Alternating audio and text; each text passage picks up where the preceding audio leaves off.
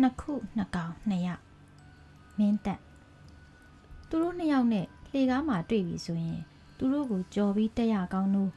နောက်ကနေပဲဖြည်းဖြည်းလိုက်တက်ရကောင်းလို့နဲ့ဝေခဲမရစရာအမြဲဖြစ်ရတယ်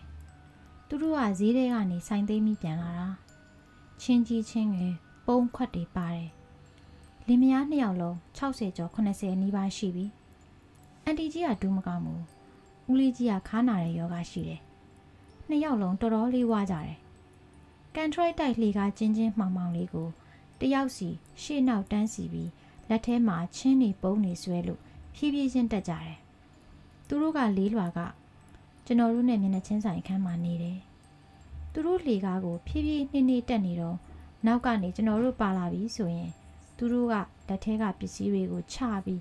သူတို့ရဲ့ခန္ဓာကိုယ်ကြီးတွေကိုတက်နိုင်သမျှဘေးကိုကပ်ပြီးဖို့လှုပ်တက်ကြတယ်။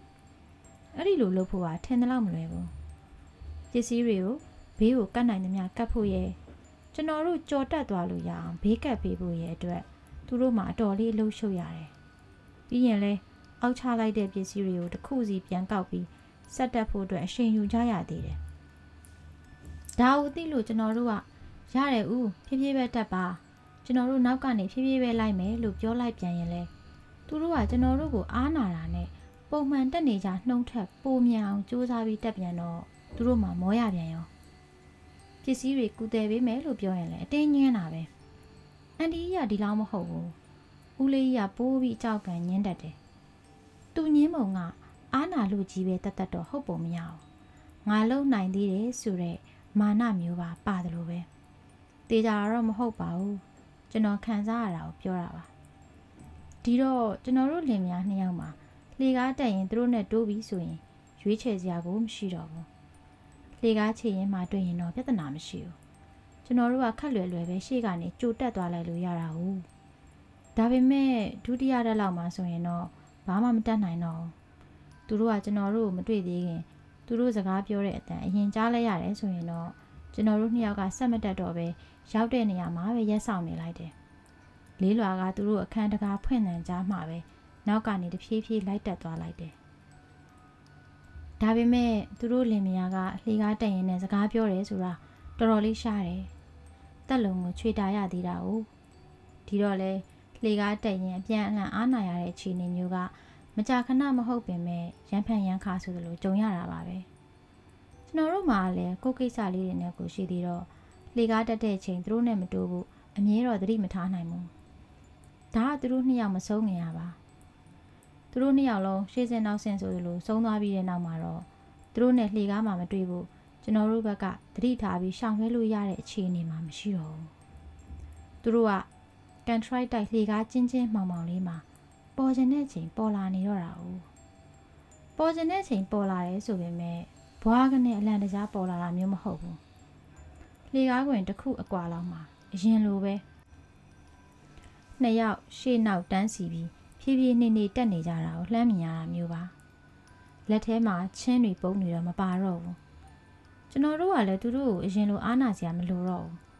သူတို့ကကျွန်တော်တို့ကိုမြင်မုံမှမရတော့ဘူးဒီအတိုင်းရုပ်ရှင်ပြကွက်တစ်ခုလိုလေကားကိုပဲဖြည်းဖြည်းချင်းတက်နေကြတာပဲအားနာစရာမလိုပင်မဲ့အခုကျွန်တော်တို့ကသူတို့အနာကိုမကက်ရတော့ဘူးဒီတော့အောက်ကိုနည်းနည်းပြန်ဆင်းပြီးသူတို့လေးလွှာရောက်လောက်မဲ့အချိန်အထိရက်ဆောင်ရတယ် သူတို့လေးလွှာရောက်မရောက်ဆိုတာကိုလည်းအရင်လိုတကားဖွင့်တဲ့နားထောင်ပြီးဆုံးဖြတ်လို့မရတော့ဘူးသူတို့ကတကားဖွင့်စရာမလိုတော့ဘူးထင်တယ်ဒါမှမဟုတ်တကားကိုဖွင့်လို့မရတော့တာရင်လည်းဖြစ်မယ်မပြောရဘူးကျွန်တော်တို့လည်းလိုက်မကြည့်ရဘူးသူတို့အရင်တက်တဲ့နှုံးနဲ့မှန်းပြီးလေးလွှာရောက်သွားလောက်တဲ့အချိန်ကြာမှတက်သွားလိုက်ရင်သူတို့ကမတွေ့ရတော့ဘူးသူတို့နေခဲ့တဲ့အခန်းကတော့အခုအခန်းလွတ်ဖြစ်သွားပြီနှစ်ယောက်လုံးဆုံးသွားပြီးတဲ့နောက်မှာ သူတို့နဲ့ဆွေမျိုးနှိစက်တယောက်ကအခန်းကိုလာရှင်းသွားတယ်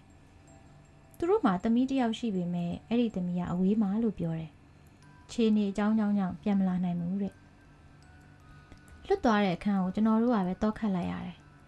ကျွန်တော်တို့အခန်းပိုင်ရှင်ရပဲအဲ့ဒီအခန်းကိုပိုင်တာဆိုတော့အဲ့ဒီလိုလုပ်ပေးဖို့ကျွန်တော်တို့ကိုပြောလို့ပါအခန်းရှင်လင်မယားကကျွန်တော်တို့တိုက်နေတလန်းကျော်လောက်မှလည်းနေတာဆိုပေမဲ့သူတို့ကလည်း80ကျော်လူကြီးတွေဆိုတော့လာမကြည့်နိုင်ကြတော့ဘူး အင်းငါးကစာချုပ်ပြေလို့ထက်ချုပ်ဖို့နောက်ကျနေရင်တော့ဖုံးဆက်ပြီးပဲလှမ်းတောင်းနိုင်ကြတာဒီတော့လွတ်သွားတဲ့အခန်းကိုတောက်ခတ်ပေးဖို့ကျွန်တော်တို့ကိုပဲခိုင်းတာပေါ့သူတို့နှစ်ယောက်ကငွေကြီးတော့ပြည့်စုံပါတယ်တိုက်ခန်းတွေ၃လေးခန်းပိုင်တယ်သားသမီးတွေကနိုင်ငံသားမှာအလောက်အကင်ကောင်းတယ်လို့လည်းပြောတယ်ဆုံးသွားတဲ့ဦးလေးချင်းနဲ့အန်တီကြီးကိုလှေကားမှာတွေ့တွေ့နေရတာနဲ့ပတ်သက်ပြီးကျွန်တော်တို့ကပြဿနာမလုပ်ပင်မဲ့တိုက်မာနေတဲ့တခြားသူတွေကပါတွေ့လာပြီးတဲ့နောက်မှာတော့ တရေ6တဲဆိုတဲ့ပြဿနာကြီးဖြစ်လာတယ်ဒီတော့တခြားအခန်းရှင်တွေကဒီတရေ6တဲ့ပြဿနာကိုဖြေရှင်းမှုစူးစမ်းလာကြတော့တာပေါ့တိုက်မှာကဗုဒ္ဓဘာသာတွေကြီးပဲဆိုတော့ဒီလိုကိစ္စမျိုးမှာဖြေရှင်းမှုနီလန်ကတိတ်အများကြီးစဉ်းစားနေကြမလို့ဘုံကြီးပင့်ပြီးပရိတ်ရွရုံပဲပေါ့တခြားအခန်းရှင်တွေကအဲ့ဒီလိုဘုံကြီးပင့်ပြီးပရိတ်ရွဖို့အတွက်ကျွန်တော်တို့အခန်းရှင်ကိုတာဝန်ယူစေခြင်းကြတယ်လေကားမှာ6တားဆိုပေမဲ့ သူ့အခန်းမှာနေသွားတဲ့သူတွေကိုဒါနဲ့ပဲအခန်းရှင်ကအစဉ်ပြေရင်ပရိတ်ရွတဲ့ကိစ္စကျွန်တော်တို့လင်မယားကပဲစီစဉ်ပေးဖို့အကူအညီတောင်းလာပြန်တယ်သူတို့မှာကအခုတလောနှစ်ယောက်လုံးကျမ်းမာရေးတိတ်မကောင်းလို့ပါလို့ပြောတယ်ပရိတ်ရွဖို့စီစဉ်ရတာကျွန်တော်တို့အတွက်ပြဿနာမရှိပါဘူးလူငယ်တွေဆိုတော့ဒီလိုကိစ္စတွေအတွေ့အကြုံတိတ်မရှိပေမဲ့အဝေးရမိဘတွေစီဖုန်းဆက်ပြီးမေးလိုက်လို့ရတယ်။ ဒါပေမဲ့အဲ့လိုစီစဉ်ရတာကအခန်းရှင်ကိုစားအခန်းငှားကိုမောင်းချပေးရတယ်လို့ခန်းစားချက်ကြီးကျွန်တော်တို့နှစ်ယောက်မှာခန်းစားလို့နေတယ်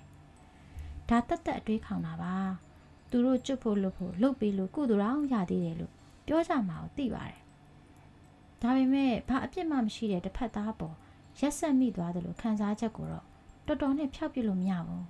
။ပရိတ်ရွတ်လိုက်တော့ဒီတိုက်မှာတရေချောက်တယ်ဆိုတဲ့ပြဿနာကြီးကတော့ပျောက်သွားတယ်။ သူတို့လင်မယားနေခဲ့တဲ့အခန်းမှာလူသစ်တွေရောက်လို့လာတယ်။ကျွန်တော်တို့လိုလူငယ်လင်မယားစုံတွေပဲ။ကျွန်တော်တို့ထက်ငယ်တယ်။သူတို့ကလှေကားကိုပြေးပြီးတော့တတ်နိုင်ကြသေးတယ်။ကျွန်တော်တို့ကတော့သူတို့လိုပြေးပြီးမတတ်နိုင်တော့ဘူး။မနှေးမမြန်ခက်မှန်မှန်လောက်တော့တတ်နိုင်ပါသေးတယ်။ဒါပေမဲ့ပြေးပြီးပဲတက်တက်ခက်မှန်မှန်ပဲတက်တက်ဖြည်းဖြည်းနှင်းနှင်းပဲတက်တက်ဒီလေကားကပဲတက်ရမှာပါအခန်းကိုပြန်ဖို့ကဒီလေကားတစ်ခုပဲရှိတာမဟုတ်လား thank you